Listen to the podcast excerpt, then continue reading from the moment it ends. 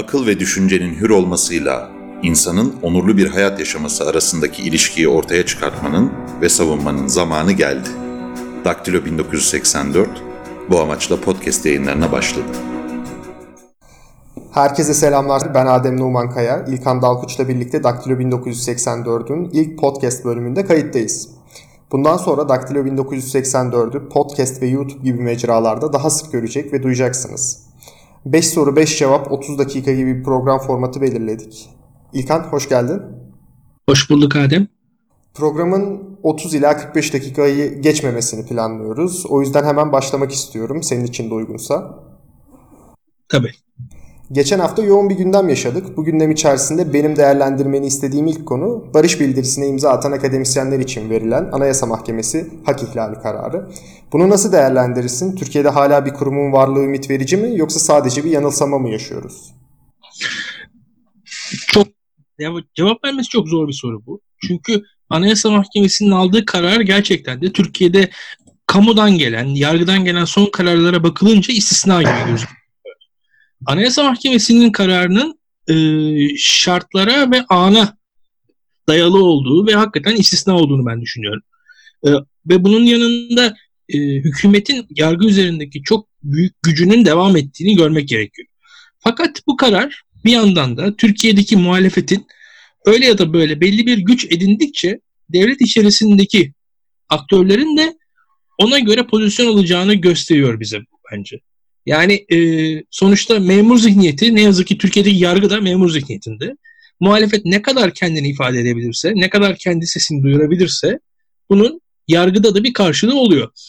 Ben e, bu kararı bir açıdan hmm, bu Twitter'da şeyler olur ya e, kimi davalara yönelik kampanyalar. O tarz evet. kampanyalara benzetiyorum açıkçası. Yargıya dair e, kamuoyunun yaptığı baskının karşılığı elimizde. Peki bunu alt mahkemenin uygulamaması gibi bir şey gündemde. Keza Devlet Bahçeli de böyle bir açıklamada bulundu.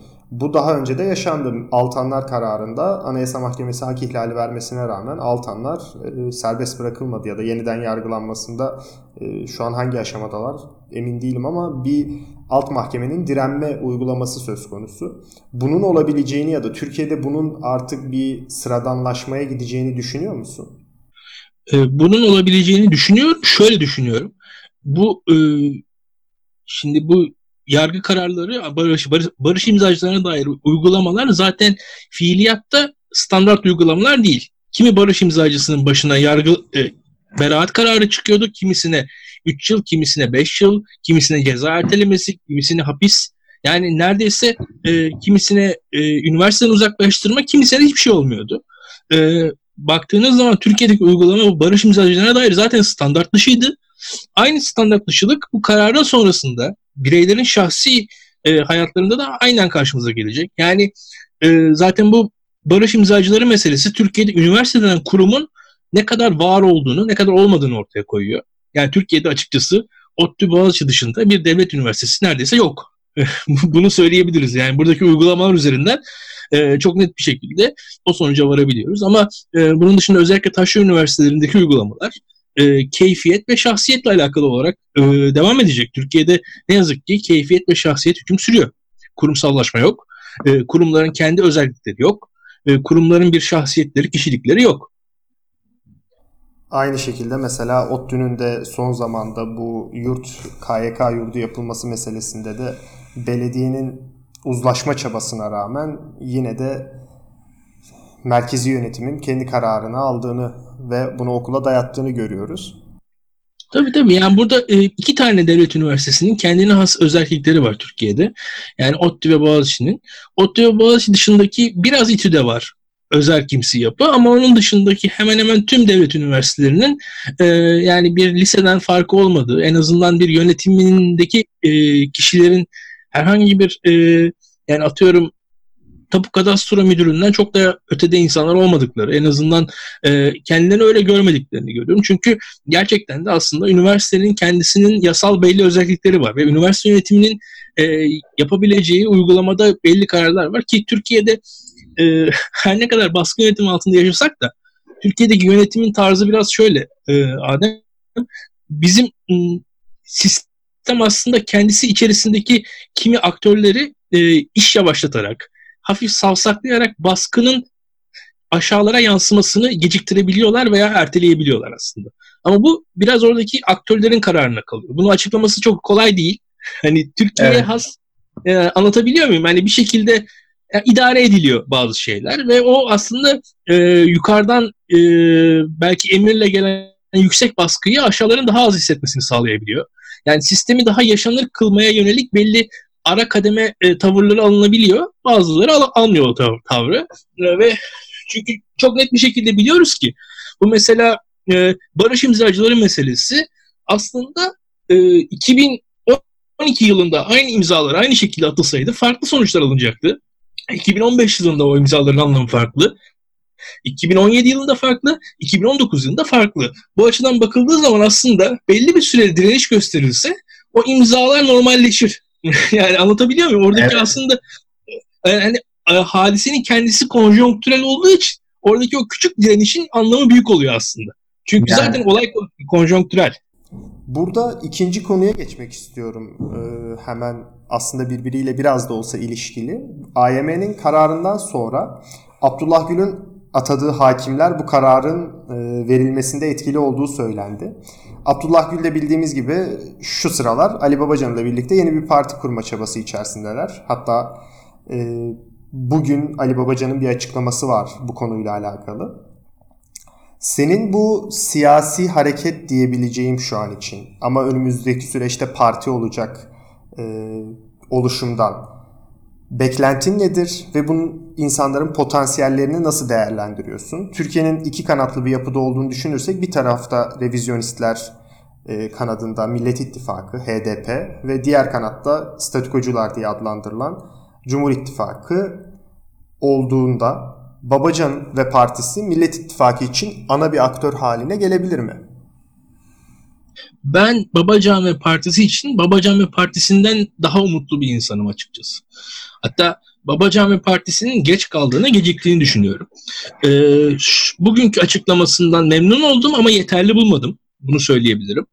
Ee, Babacan'ın ve Partisi'nin toplumda e, gerçek anlamda bir karşılığının ortaya çıkabileceğini düşünüyorum. Yani şu anki zaten %50 artı, artı bir e, hedeflenen %50 artı 1'e dayanan sistemde zaten çok büyük bir başarı elde etmesine gerek bile yok. Yani e, henüz bu ittifak sistemleri e, yeni e, seçim yasasıyla beraber çok daha rahatla, rahat, rahatlatıldığı için aslında çok rahat bir şekilde e, Babacan ve Partisi'nin e, çok etkili bir konuma gelebileceğini düşün- düşünüyorum. Yani yüzde yüzde beş, yüzde on gibi bir oy, yüzde yedi, yüzde üç bunlar e, ilk aşamada eski e, mantaliteyle bakıldığı zaman düşük oylar.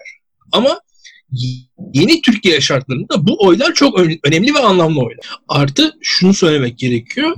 E, bu iktidar bir de sizin e, iktidarda olmanızdan da doğan bir şey aslında. Yani güç, güçlü olduğunuz için de güçlü oluyorsunuz. Yani geçmişteki gücünüz sizin gelecekteki gücünüzü de belirliyor bir ölçüde.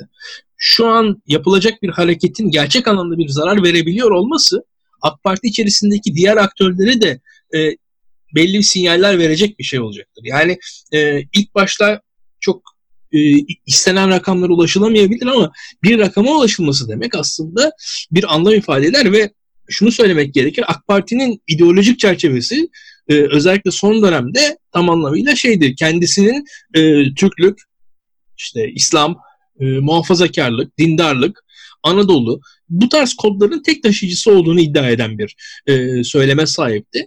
Ve Tayyip Erdoğan ve AK Parti çizgisinin e, Cumhur İttifakı çizgisinin eleştirilemez e, mutlak ve e, tek tekliğine dayanıyor açıkçası. Fakat bu e, Babacan'ın ortaya çıkışı sonuçta Cumhuriyet Halk Partisi'nin AK Parti'ye olan muhalefetinden muhalefetinden çok daha çok daha başka anlamları olan bir ortaya çıkış olacaktır ve e, sonuçta çok etkili olacaktır diye düşünüyorum ben. Ve bunun e, özellikle e, her ne kadar Saadet Partisi'nin şimdiye kadarki muhalefetinin bir e, kategorik en azından ahlaki anlamı olsa da seçmen üzerinde bir anlamı olmadı. Saadet Partisi kendi kitlesi itibariyle, kendi kitlesinin demografisi itibariyle çok e, insanlara erişebilen bir noktada değildi. Bu açıdan Babacan'ın çok şanslı olduğunu düşünüyorum. Ee, ve özellikle Türkiye'deki ekonomik kriz e, ve ekonomik kriz neticesinde e, Türkiye'de çok zor durumda olan orta boy iş adamlarının sayısının çokluğu Babacan'ın partisinin e, ilk aşamada kuruluşunda çok büyük avantaj sağlayacaktır diye düşünüyorum. E, ve burada tabii Babacan'ın çok ciddi sıkıntıları var. Onu da söylemek lazım. E, bu muhtemelen daha da açacağız ister istemez. E, Babacan'ın çok ciddi bir medya sorunu var. Babacan'ın kendisini ifade etme sorunu var. Şu anki süreçte bile Babacan'ın bu son açıklamasına kadar e, muhalif olarak ortada net bir açıklaması yok. Yani Babacan şu an neden muhalif olduğunu, neye muhalif olduğunu, niçin muhalif olduğunu anlatmak zorunda insanlara. Ve bunu e, icabında AK Partileri kırmadan yapmaya çalışabilir. Ben bunda bir sıkıntı görmüyorum. Yani e, Babacan'ın dilinin AK Parti'ye en sert muhalif e, sol seküler çevreleri, çevrelerin diliyle aynı olmasına gerek yok. Ama somut olmasına gerek var açıkçası. E, yani bugün bakarsanız Saadet Partisi'nin diliyle Cumhuriyet Halk Partisi'nin dili arasında fark var. Ama Saadet Partisi'nin dili net bir dil. Yani Babacan'ın da aynı şekilde net bir dile sahip olması gerekiyor. Çünkü siyaset bir şekilde sözünüzü iletme sanatıdır. Türkiye'de siyasetçiler e, zamanında siyasal yasaklara maruz kaldılar. Türkiye'de Süleyman Demirel, Turgut Özal, pardon, Süleyman Demirel, Bülent Ecevit yasaklandılar. Ama Süleyman Demirel, Bülent Ecevit yasaklıyken her gün medyayla konuşurlardı, her gün açıklamalar yaparlardı. Dünyaya dair her gün e, işte Kongo'da bir şey olurdu, Süleyman Demirel ona dair açıklama yapardı. Bir şekilde kendi dediğini duyurmaya çalışırdı. Babacan'ın şimdiye kadarki eksikliği şu, ya Babacan Türkiye'deki meselelere dair ne düşünüyor ben bilmiyorum. Yani Türkiye'nin şu an Suriye meselesine dair, Kürt meselesine dair, işte ekonomiye dair, faiz oranlarına dair, işte özelleştirmelere dair, Avrupa Birliği'ne dair, S-400'lere dair, e, yolsuzluklara dair, e, belediyelere dair, Babacan'ın fikirlerine dair benim bir fikrim yok. Babacan'ın kendi düşüncelerini, kendi e, felsefesini olabildiğince aktarması gerekiyordu. Şu an e, zaten bir medya sıkıntısı varken Babacan'ın grubunun sessizliğinin e, ben yanlış bir strateji olduğunu düşünüyorum. Bir şekilde kendi sözünü söylemesi gerekiyor. Siyaset söz söyleyen insanların yaptığı bir iştir. Yani burada şöyle bir durum var. Siz böyle e, legal siyasi parti kuruyorsunuz. Adeta böyle bir e, verdiğim örnek kötü olacak ama bir cemaat tarzı sessizliğe bürünmemeniz gerekiyor. Sizin sesli, sesini duyuran bir şekilde tavrınız olması gerekiyor ki Babacan'ın ben daha ziyade sesimizi duyurmuyorlar diye şikayet etmesini beklerken Babacan grubunun şimdiye kadarki sessizliği beni rahatsız etmişti. Bugünkü açıklama ilk olması hasebiyle mutluluk verici, e, sertliği itibariyle yeterli, daha doğrusu netliği itibariyle yeterli değil. E, umarım devamı gelir, umarım artarak çoğalır. Aynı şekilde hiç televizyona çıkmama gibi bir e, şey seziyorum ben. Yani buradaki televizyondan kastım tabii ki ana akım değil. Ana akımda zaten bu insanların yerinin yıllardır olmadığı çok aşikar. Ama mesela Ruşen Çakır'ın dönüp dönüp Medyaskop'a davet etmesi ya da işte aynı şekilde parti içi muhaliflerden Ahmet Davutoğlu daha önce Yavuz Oğhanlara çıktı. Keza dün Selçuk Özdağ Medyaskop'ta konuktu. Yani Ahmet Davutoğlu kanadı daha bir hareketliyken ki onların yeni parti gibi bir amacı olduğu söylenemez. Şu an için AK Parti için de muhalefet yapıyorlar. Ama yeni bir parti ve yeni bir vizyon iddiasıyla ortaya çıkan Ali Babacan daha çok yazılı açıklama yaparak söylediği sözleri kamuoyuyla paylaşıyor ve bu bir yerde bana e, tıkanacak gibi geliyor. Tıkanmasının sebebi de kamuoyu önünde, gazetelerde, özür dilerim televizyonlarda konuşmazsanız ilk çıktığınızda sizi biraz yıpratırlar televizyonda özellikle. Yani Türkiye'de işte Muharrem İnce'ye yapıldı, Ekrem İmamoğlu'na yapıldı. O moderatörlerin tarzı da çok e, masumane gelmiyor bana açıkçası. Buna kendisini hazırlaması gerekiyor diye düşünüyorum. Ne dersin? Kesinlikle haklısın. Birkaç konuda senden ayrı düşünüyorum. Ee, bir hafta önce bu podcast'i yapıyor olsaydık muhtemelen Davutoğlu'nun parti kurma meselesinde daha uzak olduğunu düşünürdüm. Şu an kendi adıma onu ifade edeyim. Bence Davutoğlu parti kurmaya şu an daha yakın. Pelikan Özellikle, yalısının ziyaret edilmesinden dolayı mı diyorsun? Olabilir, olabilir. Benim gördüğüm kadarıyla şu an Davutoğlu parti kurmaya daha yakın, daha yatkın. En azından e, bir şahsi iddiası var. Bir e, şahsi yaşanmışlıkların burada payı çok büyük diye düşünüyorum. Yani Davutoğlu hakkının şahsen yendiğini düşünüyor ve bu şahsi hissiyat e, siyasetinde muhtemelen en azından başlangıcında belirleyici olabilir diye düşünüyorum. Ben de emin değildim ama son bir haftaki gelişmeler bana e, fikir değiştirdi biraz böyle söyleyeyim. Babacan'a gelirsek kesinlikle haklısın. Babacan'ın e, tavrının net bir şekilde ortada olması lazım. Yani hani e, şu an ister istemez sorgulanacak, ister istemez insanlar şüpheyle yaklaşacaklar, her laf söylenecek. Bugün Meral Akşener'e parti kurma sürecine neler söylendi açıkçası. Ancak şu var, e, çekindikçe siz karşı taraf daha e, hırçınlaşıyor aksine. Yani sizin yumuşak tavrınız, sizin nispeten daha mutedil tavrınız karşı tarafı mutedilleştirmiyor bu tarz koşullarda. Yani Meral Akşener'in biraz o ülkücülükten mi geliyor bilmiyorum ama e, o tavrı e, çok başarılı oldu bence. Çünkü Akşener'in e, hakkımı yedirmem, nispeten e, haksızlığa uğradım, bir yola çıktım, tek başımayım, bir mücadele veriyorum tavrı sonuçta birkaç yıl içerisinde Türkiye'de %10'un üzerinde oy alan bir partiyi yarattı.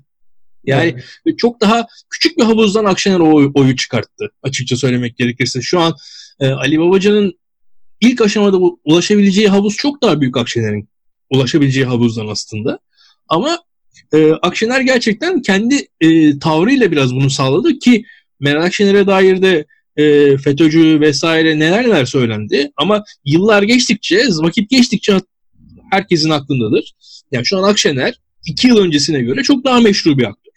Yani Akşener'e neler söyleniyordu? Şu an Akşener o lafları söyleyenler ip demekten iyi Parti demek zor, durumuna geçtiler ister istemez. Yani siz orada yerinizde durdukça güçleniyorsunuz. Yani o tavrı gösterdikçe güçleniyorsunuz. Her türlü kötü koşula şarta rağmen. Ruşen Çakır'a az önce referans verdim. Onun başlığıyla devam edelim o zaman. Türkiye'de her şey çok güzel oldu mu diye bir yayın yapmıştı. Ben de aynı soruyu sormak istiyorum. Türkiye'de her şey çok güzel oldu mu? Yerel seçimlerde Millet İttifakı karşısında bütün kamu kaynaklarını kullanan popülist otoriter bir lideri yendi. Fakat muhalif kanatta birçok insan her şeyin bittiğine inanıyor. Her şey çok güzel oldu dendi ve rehavete kapılmış, bu insanların reha- rehavete kapıldığına dair bir gözlemim var. Katılır mısın bu gözleme? Ben her şeyin daha yeni başladığını düşünüyorum. Cumhuriyet Halk Partisi bu yeni başlayan süreçte bir yol haritası sağlayabilir mi muhalefet kanadı adına? Çok güzel bir soru. Türkiye'de tabii ki her şey daha çok güzel olmadı. Muhalefet rehavete kapıldı. Buna rehavet demek haksızlık olur bence. Çünkü Türkiye'de siyaset yazın biraz rölantiye girer. Yani bunun mevsimle alakası var diye düşünüyorum birazcık da. Yani orada bir e, rölanti halinin e, mevsimsel olduğunu, geçici olduğunu düşünmek istiyorum kendi adıma. Ancak şu, bir sonraki sor, sorunun kısmı daha önemli bence. Önemli olan eksiklik şurada, şu anki şartları analiz etme konusunda muhalefette bir eksiklik görüyorum ben. Yani e, birincisi, hatta biraz daha öncesine gidelim. Yerel seçim zaferini analiz etmekte muhalefette eksiklik vardı yerel seçim zaferinden sonraki eksiklikleri görmekte eksiklik vardı. Şu anda da şu anki siyasette ve AK Parti'nin e, politikasını analiz etmekte muhalefetin eksiklikleri var. Tek tek açarsam yerel seçim zaferini muhalefet çok zor şartlar altında kazandı ve bunun ne kadar zor şartlar altında olduğunu yeterince halka anlatamıyor. Yani muhalefetin çok açık bir şekilde iktidarın kamu kaynaklarını kullandığını, iktidarın medyayı, sermayeyi, e, kamuyu, yargıyı, e, askeri, polisi vesaire her şeyi kullandığını ve ona rağmen seçim kazandığını bir defa kendisinin bilmesi ve halka anlatması gerekiyor. Bir defa. Yani onun arkasından bu analize göre bakıldığı zaman da e, bu kadar güçlü bir iktidara karşı aynı şartlarda her zaman seçim kazanamayacağını muhalefetin anlaması gerekiyor. Yani eğer iktidar hala bu kadar güçlü olmaya devam ederse sizin seçim kazanmanız için her şeyin düşeş gelmesi gerekiyor. Yani adayın iyi olması gerekiyor, şartların iyi olması gerekiyor, AK Parti'nin adayının kötü olması gerekiyor. AK Parti içerisinde işte atıyorum e, pelikancılarla geleneksel kanat arasında çatışma olması gerekiyor. İşte MHP ittifakıyla sorun olması gerekiyor vesaire. Hani bayağı bir sorunların olması gerekiyor ki siz muhalefet olarak seçim kazanabilin. Çünkü iktidar öyle bir dominasyon sağlamış durumda. Yani e, belli iktidarın dominasyonuna karşı durabilmesi için muhalefetin bu şartlar gerekiyor. Yani neredeyse yani yıldızların aynı hizaya gelmesi gerekiyor. Bu yıldızlar da aynı hizaya her zaman gelmez. Siz buradaki habitatı değiştirmezseniz eğer e, benzer seçim zaferlerini tekrar tekrar elde edemezsiniz.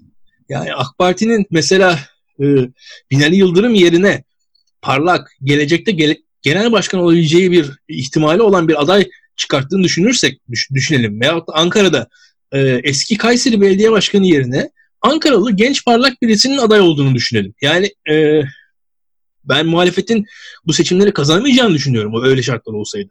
Yani e, muhalefet en azından seçimleri nasıl kazandığını, neye rağmen kazandığını kendisi bilmeli, görmeli, anlatmalı ve buna göre e, hareket etmeli.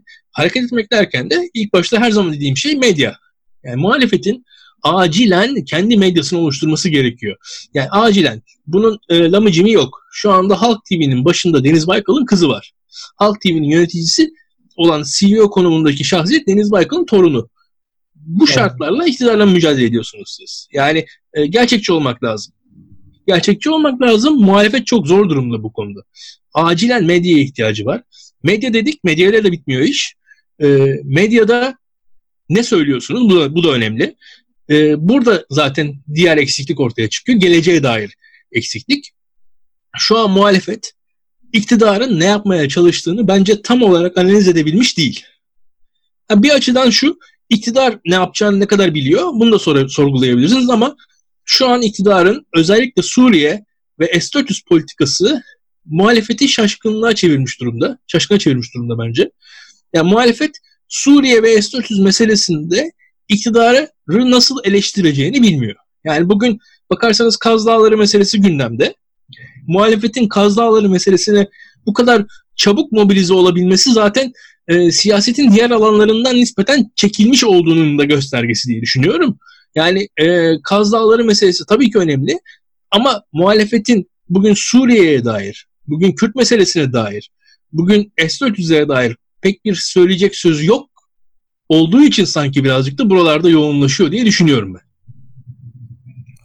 Bir de bu söyleyecek sözünün olması meselesi söyleyecek sözü olan insanla yapılan bir şey. Yani e, sizin kadronuzda Türkiye'nin uluslararası alanda nasıl hareket etmesine dair, hareket etmesi gerektiğine dair, e, ekonomi politikasının nasıl olması gerektiğine dair ya da Avrupa Birliği ile entegrasyonu nasıl sağlayacağınıza dair fikri olan insanları eğer uzaklaştırırsanız günün sonunda buradaki politika yapma alanınızı, kapasitenizi bir nevi kendiniz düşürmüş oluyorsunuz.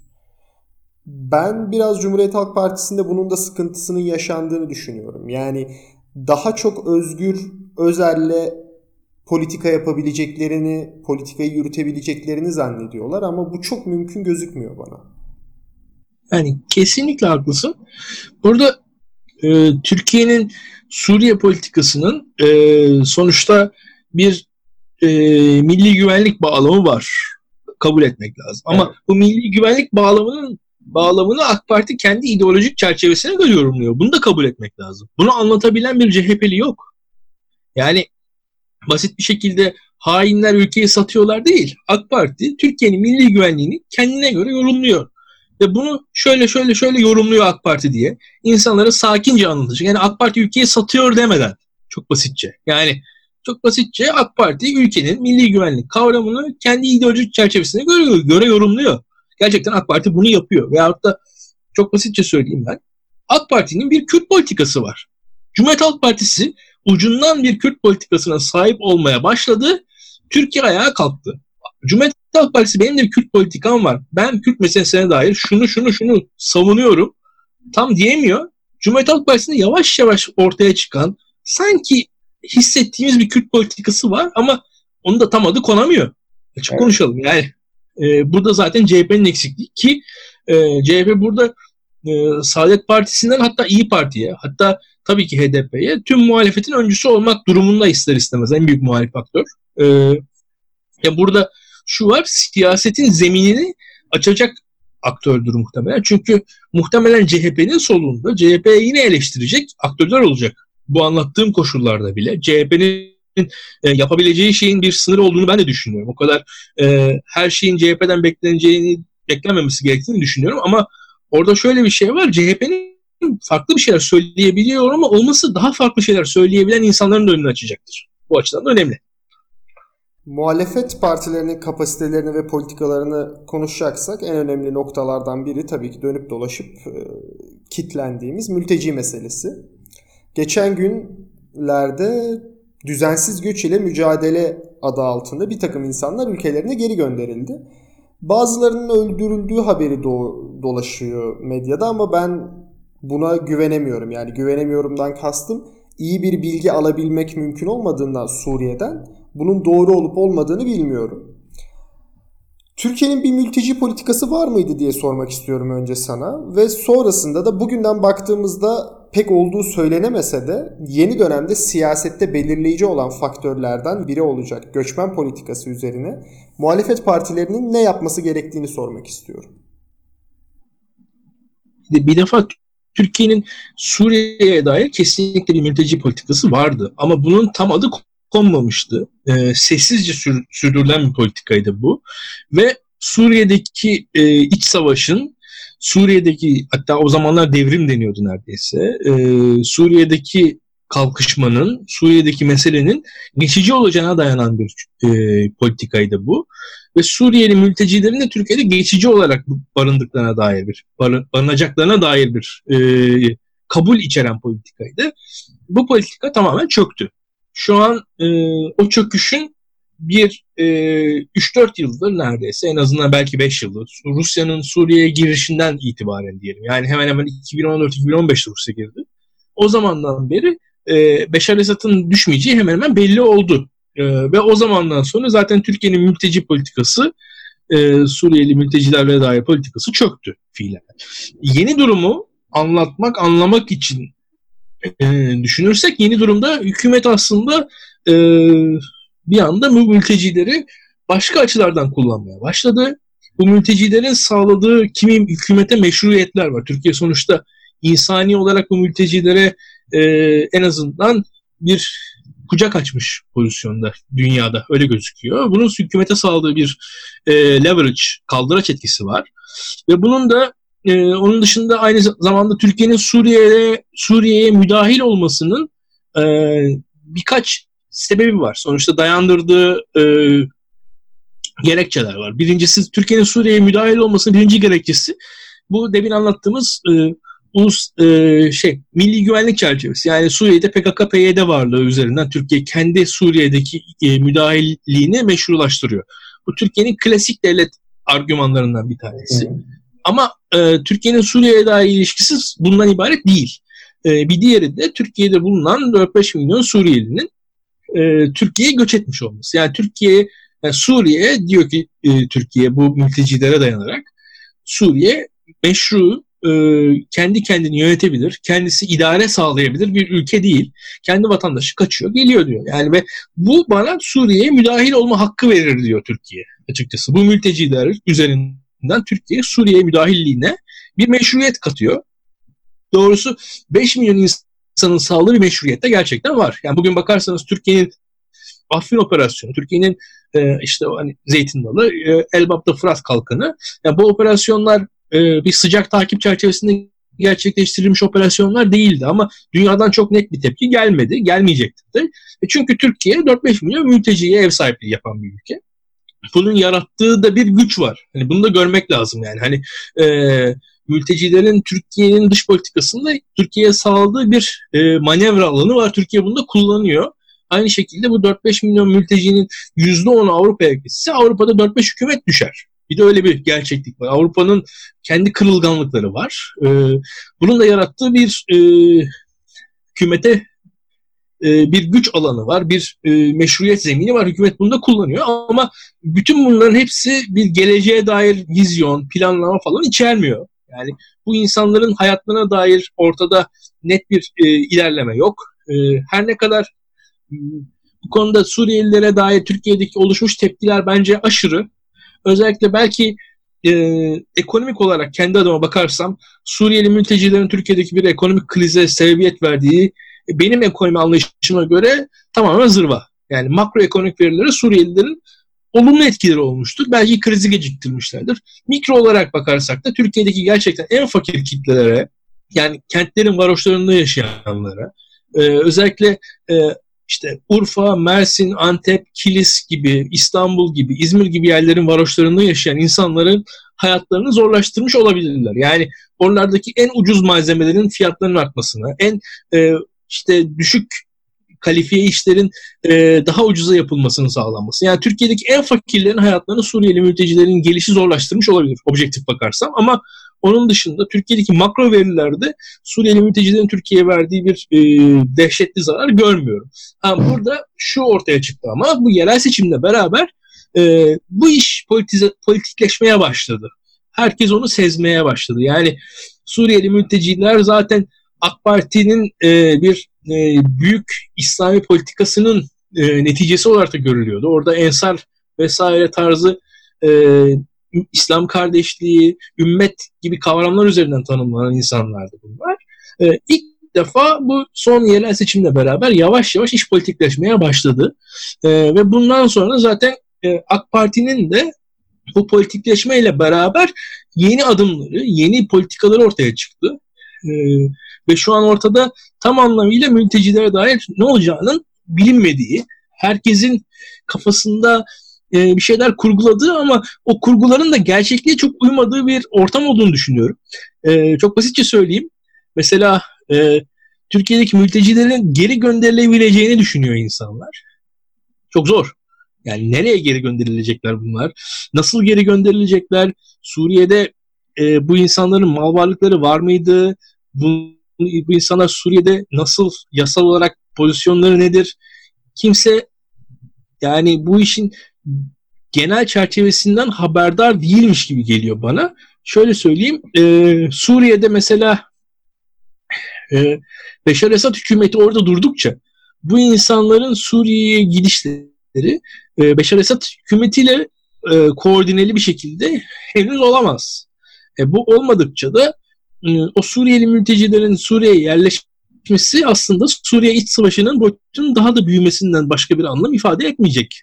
Yani bunlar sonuçta e, Suriye'ye şu anki şartlarda yerleşirlerse Suriye'de işte İdlib gibi, Afrin gibi Suriyeli muhaliflerin işte ÖSO'nun e, kitlesinin artışı anlamına gelecek sadece. Başka bir anlama gelmeyecek ve Suriye'deki iç savaşın devamı anlamına gelecek o mültecilerin şu anki şartlarda Suriye'ye yerleşmeleri ve bunun sonucunda da e, bu iç savaş devam ettikçe zaten mülteci tekrar gelmeye devam edecek bir taraftan da onu öyle düşünürsek. Yani şu an e, bu mültecileri siz e, İdlib'e işte Suriye'nin kuzeyine yerleştirin. E, bu insanlar fiilen ÖSO'nun vatandaşları olacaklar. ÖSO vatandaşları olduktan sonra da e, Suriye devletiyle Beşar Esad'la çatışma devam edecek. O çatışmanın sonucunda yeni mülteciler gelmeye devam edecek. Yani şu anki şartlarda Suriye'ye yerleştirmek de çok uzun vadeli bir çözüm gibi gelmiyor bana. Ben bununla alakalı e, mültecilerin geri dönüş oranını araştırmıştım. Böyle bir savaş e, örneğinden çıkmıyor tabii ki yapılan çalışma ama mültecilerin geri dönüş oranının %30'larda 40'larda olduğu söyleniyor. Ki savaş durumunda bunun düşmesini ben şahsen bekliyorum. Aynı şekilde bir de şöyle bir durum var. Yani bir mülteci 7 yıl burada yaşayacak. Kurulu bir düzeni olacak. Hayatına burada inşa etmiş. Hayatını burada inşa etmiş olacak. Çocuğu burada okula gidiyor olacak. Kendisi burada çalışıyor olacak. Sonra Suriye'deki iç savaş bittiğinde bir şekilde onu alıp buradan geri göndermek isteyeceksin ama bunu çok mümkün olması olduğunu da düşünmüyorum. Yani neden bu insanlar geri gitsin? Buranın dilini öğrenmiş, buraya adapte olmuş bir şekilde çocuğu burada doğmuş ya da burada büyümüş, Türkçe konuşabiliyor ve geri döndüğü ülke iç savaştan yeni çıkmış bir ülke. Muhtemelen altyapı sistemi dahi çok sıkıntılı olacak bir ülke. Bu insanları zorla da geri gönderemezsiniz. Zaten gerçi şu anki statü itibariyle biraz e, uluslararası kamuoyunda tanınmayan bir statüleri var. Geçici koruma altında diye e, biliyorum yanlış bilmiyorsam. Biz keza misafir diyoruz ama misafir de değiller. Ben bunun da artık anlaşılması gerektiği ve bunun üzerine politika yapılması gerektiğini düşünüyorum. Şöyle söyleyeyim. E, bir defa Suriyeli mültecilere demografik olarak baktığımız zaman ve e, cinsiyet olarak baktığımız zaman Suriye mültecilerin erkek sayısının çok olduğunu, 18-30 yaş arası Suriyeli mülteci sayısının çok olduğunu görüyoruz. Bir defa Suriye'de iç savaş başladıktan sonra önemli sayıda e, genç erkek askere alınmamak için Türkiye'ye kaçmış durumda evet. zaten. Yani somut olarak ben mültecilere tek tek baktım devletin resmi rakamlarına göre. Kadın erkek oranı her yaş grubunda benzer. Ama bir bakıyorsunuz orada bir enteresanlık var. 18-30 yaş arasında erkek sayısında bir %30-40 fazla. Yani e, çok anlamlı olmayan bir farklılık var orada yani. Ve o zaman hemen anlıyorsunuz ki hakikaten bu insanlar orada aslında askere alınmamak için Türkiye'ye kaçmış durumda. Zaten yani hani bu insanlar Suriye'de kalsalardı çok büyük ihtimalle Beşar Esad'ın ordusunda çatışıyor olacaklardı Suriye içerisinde ve bu insanlar da Suriye'de Suriye içerisinde bir çatışmaya taraf olmamak adına aslında Türkiye'ye kaçtılar. Yani önemli bir kısmı da zaten bundan dolayı kaçtı. Yani hani e, şu an zaten çatışma devam ederken bu insanların e, dönmesi diye bir durum zaten yok. Ki Orta Doğu'dayız. Orta Doğu insanının hareketini, tavrını biraz geçmişini de biliyoruz. Bu insanların malları, mülkleri falan e, çoktan yağmalanmıştır. Yani şu an e, bizim bir atasözümüz var. Tekkiyi bekleyen çorbayı içer. Şu an Suriye'de kalan ve çatışan insanlar da e, ilk başta şu kaçanların mallarını, mülklerini yağmalamışlardır ve hiç e, hoşgörülü olacaklarını zannetmiyorum. Biz Suriyelilerin geri dönüp benim malım mülküm buradaymış demesine çok da e, hoşgörüyle bakacaklarına inanmıyorum. Biraz e, acımasız oldum ama e, o real olanı görmek lazım. Yani Suriye'ye dönsünler demek de olacak bir şey değil bu yani. Hani bu bu iş çok daha e, en azından sizin Suriye'deki iç savaşı bitirmeniz lazım. Beşar Esad'la anlaşmanız lazım. Uluslararası e, büyük yardım organizasyonlarını harekete geçirmeniz lazım. Dünya Bankası'nı, Birleşmiş Milletleri, UNICEF, UNESCO ne varsa artık yani hani üzerine Çin, Rusya, İran herkesin parayı buraya yığması lazım. Ondan sonra belki belli sayıda insan geri döner sonunda ama belli sayıda insan geri döner. Ki bu yani öyle bir şey ki bu çok inanılmaz. Ya geçen gün e, başka bir haber okudum. E, Dağlık Karabağ bölgesi biliyorsunuz işte Azerbaycan toprağı aslında. Orada bir Ermeni hükümeti kurulmuş durumda. Dağlık Karabağ bölgesi Suriye'den bayağı Ermeni mülteci almış. Ve Azeriler de buna bundan şikayetçilermiş. Suriyeli Ermeniler Dağlık Karabağ bölgesine yerleşmişler bayağı. Yani inanılmaz bir şey. Hakikaten dünyada bir yeri siz oynatıyorsunuz ve bambaşka bir yerde bir e, sonuç netice ortaya çıkıyor. E, kolay değil bunlar yani hani kafamızdan e, geçmişi yaşanmamış hale getirmek. Yani bu işi 2010'a geri dönmek artık imkansız. Bunu herkesin görmesi. Yani hani e, bu Dağlık Karabağ örneğini ondan dolayı verdim. Yani düşünün Suriye'deki Ermeni adamlar vardı. Bir e, Halep'te bir hani, e, neydi Dera'da ayaklanma çıktı. Onun sonucunda bu Ermeni adamlar e, gittiler Dağlık Karabağ yerleştiler. Yani ve şu anda Azeri Ermeni meselesinin ortasında aktörü haline geldiler. Yani bunu kim nereden bilebilir? Bir noktayı oynatıyorsunuz siz artık geri dönülemez bu. Yani tarih hani o o e, diş macunu bir defa sıktıktan sonra tekrar geri gelmiyor. Sokamıyorsunuz. Yani o e, ma, bu, bu iş biraz böyledir. Bunu görmek gerekir diye düşünüyorum kendi adıma. E, en azından hani insanların çözümlerini politikalarında e, yaklaşımlarında bu gerçeklik içerisinde olması gerekir. Yani mülteci istemeye olabilirsiniz. Onun bile bence meşru e, meşru bir şekilde anlatılabilir tarafı vardır diye düşünüyorum. Ama bunu da görmek lazım. Yani somut durum nedir Türkiye'de? Somut olarak hakikaten işte e, bu bu insanların e, refahı, Türkiye'nin refahı hani birbirinin zıttı şeylerle değil açıkçası. Yani e, bu insanların şartları, koşulları ne kadar iyileşirse Türkiye için de o iyi olacaktır diye düşünüyorum. Yani e, burada e, ek, ekonomi bilenler bilirler. E, dışsallık diye bir kavram vardır. Yani sizin Suriye'de mültecilere dair olumlu bir e, hareketiniz sonuçta size de size de bir olumlu hareket olarak geri döner zaten yani. Bu e, pozitif dışsallıkları öngörmek öngöremediğimiz şeyler ortaya çıkar. Belki çok da olumlu şeyler ortaya çıkabilir diye düşünüyorum. E, ve e, elimizde olma, olan şey bu ve e, Suriyeli meselesinde de şunu da görmek gerekir. Türkiye Suriye'ye müdahil bir ülke. Türkiye Suriye'ye komşu bir ülke. Yani e, Suriye mülteciler meselesinden mesela bir e, atıyorum e, çok müdahil olmayan bir ülke, Umman diyelim. Ummanlı birisi Suriyeli mülteciler meselesinden şikayetçi olabilir. Yani onun şikayetçi olmasıyla bir Türkiye'nin şikayetçi olmasını aynı şekilde değerlendiremiyorum. ben. Çünkü zaten çatışma bölgesine komşu bir ülkeyiz biz. İster istemez insanlar çatışma bölgesinden komşu ülkeye geçiyorlar, kaçıyorlar. Bu dünyada olmuş bir şey. Ee, e, Türkiye'nin tabii özellikle bu e, kırmızı çizgi muhabbeti vardı. Hatırlarsın işte Ahmet Davutoğlu'nun söylemi evet. vardı. 100 bin, 50 bin. O zamanlara dair aslında bir e, jargondu ama o kırmızı çizgiler aşıldı. 100 bin, 150 bin sayısını falan çoktan geçtik ve gerçekçi olmak lazım. Şu an o tartışmayı yapmıyoruz. Hakikaten Ahmet Davutoğlu'nu evet eleştirelim tamam ama Ahmet Davutoğlu'nu eleştirmek bugünkü Türkiye'nin sorununu çözmeye dair hiçbir şey söylemiyor elimizde. Hakikaten o kamplar açıldı. İşte belli bir gösteri kısmı var mıydı? Şov kısmı var mıydı? Vardı muhtemelen.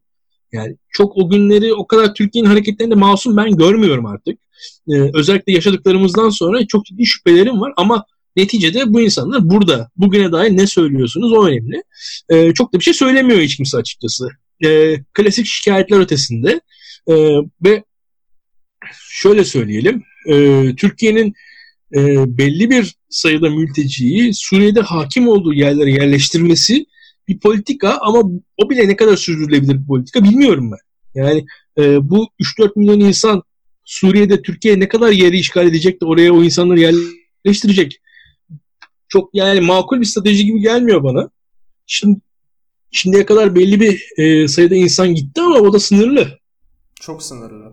Yani bir de bu mesela en benim şey yaptığım, e, üzülerek izlediğim ve kamuoyunda çok yankı bulan şey işte Suriyeliler bayramda memleketlerine gidiyorlar. Sonra geri dönüyorlar. Tekrar ülkemizde yaşamaya devam ediyorlar gibi. Bunun sayısına baktığımda bayramda Suriye'ye giden mülteci sayısının 17 bin olduğunu gördük. Ki bizim bu şu an içimizde nüfus olarak bulunan sayıyla yakından uzaktan alakası olmayan bir sayı. Yani çok küçük bir sayı. O yüzden böyle insanların kafasındaki yanlış algılardan bir tanesi de bu insanlar çok rahat bir şekilde Suriye'ye girip çıkabiliyorlar. İşte bayramda madem gidiyorlarsa geri dönmesinler gibi. E, o 17 bin kişiyle alakalı tabii ki e, bir yaptırım olursa o farklı bir konu ama yani bütün Suriyelilerin, Türkiye'de yaşayan Suriyelilerin geri dönebilme ihtimali sanırım ikimizin bakış açısından da yüzde sıfır. Tabii imkansız. İmkansız yani bu e, bunun daha önce yapılmış bir örneği yok bir defa. Yani Afganistan'dan e, mülteci olarak e, e, dağılan insanların Afganistan'a dönmüşlükleri, Irak'tan dağılanların Irak'a dönmüşlükleri falan yok. Olmadı bu. E, bu belki şöyle bir şey olurdu. Gerçekten de Suriye'deki çatışma e, bir 6 ay, 1 yıl içerisinde hallolsaydı Suriye'ye belki geri dönüş mümkündü. Ama şu an dediğin gibi 7 yıldır Türkiye'de olan insan var. Yani 7 yıl demek şu 10 yaşındaki çocuk 17 yaşına geldi. Yani artık bir e, yetişkin insan oldu. 10 yaşında küçük bir çocukken 17 yaşında koca adam oldu bu. Yani hani bunu Suriye'ye geri döndürmek de kolay değil diye düşünüyorum ben. Ee, ve giderek yani geçen yıllarda bu geri geri dönüşü zorlaştırıyor ki çok basitçe düşünelim. Almanya'daki Türk işçileri koskoca Türkiye diye ülke var arkalarında. İşte Türkiye sonuçta stabil bir ülke. E, çöpler toplanıyor. Her sabah fırından ekmek çıkıyor. Burası düzgün bir ülke.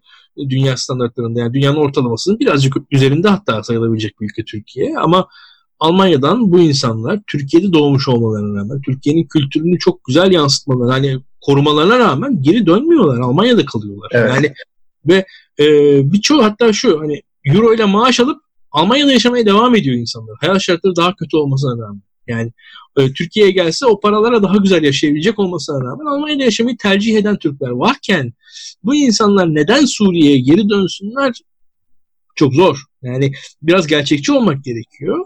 E, hele hele zaten Beşar Esad'la e, hükümet arasında bir çatışmanın sürdüğü bir ortamda yani bugün İdlib'de e, Suriye güçleriyle Türkiye'nin e, dolaylı yoldan desteklediği güçler arasında çatışmalar sürüyor.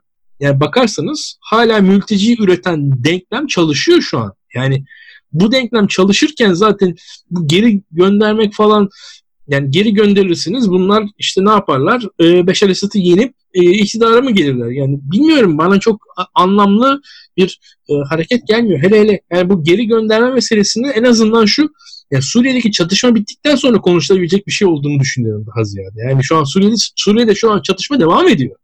Yani şu an Suriye'de çatışma devam ediyor. Yarın bir gün ya atıyorum yani İdlib'e e, Beşer Esad'ın ordusu girebilir ve İdlib'deki 1 milyon insan Türkiye'ye tekrar gel- gelebilir. Böyle bir ihtimal var. Veyahut da atıyorum yine tam tersine İdlib'deki Özgür Suriye ordusu, El Nusra falan güçleri Halep'i tekrar geri alabilir ve Halep'ten 1 milyon insan gel- Türkiye'ye gelebilir. Yani e, pek yani şu an işin büyüklüğünün e, birkaç yıldır Suriye meselesi nispeten stabil olduğu için e, Türkiye'de anlaşılmadığını düşünüyorum. Yani şu an Türkiye'de Suriye'deki savaş bir iki yıldır stabil. Yani çok, çok bir ilerleme olmadı açıkçası. E, özellikle şeye dair, e, IŞİD'e dair her, herkes odaklanmıştı. Ve IŞİD'in nispeten daha az insanın yaşadığı e, ve IŞİD'in egemen olduğu yerlere dair bir çatışmanın odaklandığı bir zaman geçirdik. Ve onun yarattığı bir yalancı bahar Türk kamuoyunda esir aldı diye düşünüyorum. Yani şu an Suriye'de çatışma devam ediyor. Çatışma devam ettikçe de mülteci gelme ihtimali en azından hala var. Hala var. E, son olarak bu mülteci meselesini bir de Avrupa perspektifinden senden dinlemek istiyorum. Ben açıkçası her ortamda söylediğim gibi bir Avrupa Birliği destekçisiyim. Ama bu Avrupa Birliği'nde Suriye İç Savaşı'nın çok ciddi sonuçlara açtığı ve ciddi rejim değişikliklerine yol açtığı da aşikar. Bu yüzden de Türkiye'deki şu an mevcut olan iktidara çok daha büyük bir tahammül seviyeleri var. Yani e, Tayyip Erdoğan Türkiye'de özgürlükler açısından ne kadar e, çalışmada bulunursa bulunsun, ihlalde bulunursa bulunsun e, Avrupa Birliği bu konuda sürekli tepkilerini yumuşak perdeden veriyor. Bu mültecilerin değiştirdiği Türkiye-Batı ilişkilerini nasıl yorumluyorsun? Şimdi Avrupa Birliği'nin kendine dair e, ciddi sorunları var. Ben de Avrupa Birliği destekçisi bir insan sayılırım ama Avrupa Birliği özellikle bu mülteci meselesinde paralize olmuş durumda. Ben 90'ları yaşadım ve 90'larda gerçekten de insan hakları aktivistleri Avrupa Birliği'nden destek alırlardı. Ciddi destek alırlardı. E, şu anki destekle falan kıyaslanamaz bence. E, şu an hükümet her ne kadar işte yurt dışı güçler falan filan dese de alakası yok aslında. Türkiye 90'larda Avrupa Birliği samimi olarak Türkiye'deki insan hakları aktivistlerine destek verirdi. Şu anki destekle kıyaslanamayacak kadar büyük destek veriyor. Ve bu desteğin etkisi gözükürdü. Türkiye'de 90'ların sonunda 2000'lerin başında hatta AK Parti'de en sonunda e, 2002-2005 arası falan e, bu sürece katkıda da bulundu. 99 yılından sonra da bu iş giderek arttı. E, üyelik statüsüyle beraber daha zaten e, resmi e, bir e, konuma da geldi olay. Çok basitçe söyleyelim. Türkiye'de karakollarda işkence aletleri vardı. Avrupa Birliği bunun için ciddi çaba gösterdi. Türkiye'deki yani resmi işkencenin en azından bitmesi için Avrupa Birliği çaba gösterdi. Ben bu aktivistlerle konuştum. Yani yaş itibariyle de daha e, onlara erişebilir bir pozisyondayım tabii.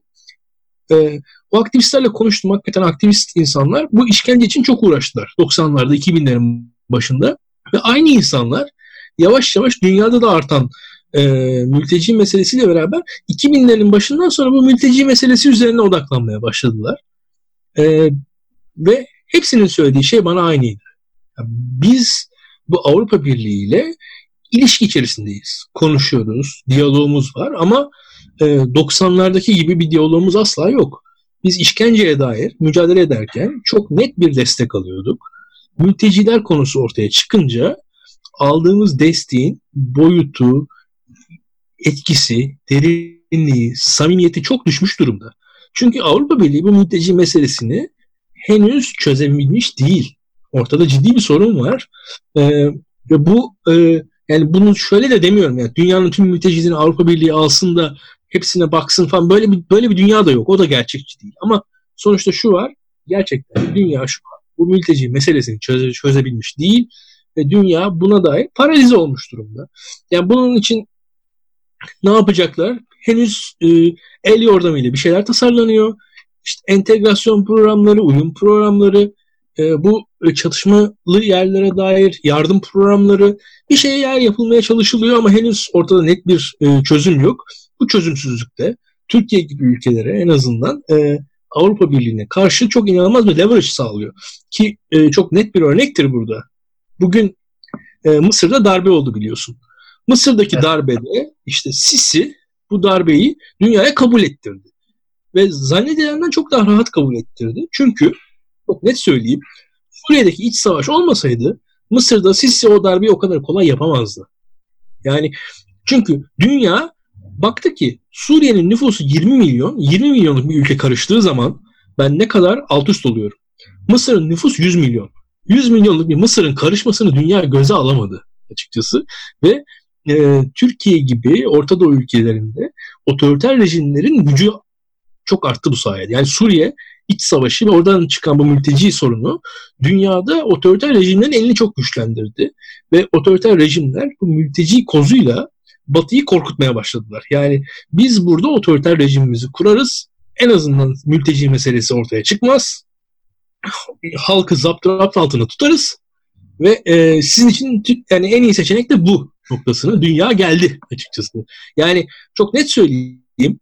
E, Mısır'da Sisi aynı darbeyi 90'larda bu kadar rahat yapamazdı. Hatta 2000'lerin başında yapamazdı. Yani bu çok enteresandır. Yani e, Suriye İç Savaşı işin e, şeklini değiştirdi dünyada. E, mesela şu vardır. Saddam Hüseyin'in devrilmesi olmasaydı da belki Araplar hiçbir e, diktatöre ayaklanmayacaklardı diye tahmin ediyorum. Yani bu belli olmaz. Hani bir sosyal hadise başka bir şeyin e, tetikleyicisi oluyor. E, bu, bu konular ilginç ama e, şu an acı açıkçası. Evet. E, özellikle Üçüncü Dünya'da, Orta Doğu'da nispeten daha az gelişmiş. Hatta e, yarı demokratik yerlerde bile otoriterlerin güçlenmesini sağlıyor bu. E, bir 100 milyonluk ülkenin mülteci yaratması yani tüm dünya sisteminin alt üst olması demek. Yani Mısır'ın e, elinde şu an çok büyük bir güç. Yani Mısır'ın elindeki diktatörün en büyük gücü ya yarın Mısır'da iç savaş çıkarsa Avrupa Birliği yıkılır belki de yani. 100 milyon insan. Kim nereye tutabilir? Çok teşekkür ediyorum abi. Bundan sonra bu programı her hafta düzenli olarak yapacağız. Öncelikle bunun duyurusunu yapalım. Keza siz de Daktilo 1984'e destek vermek isterseniz bizi Patreon hesabımızdan destekleyebilirsiniz. Sitemizde Patreon hesabımız mevcut. Hepinize çok teşekkürler dinlediğiniz için. Haftaya görüşmek üzere.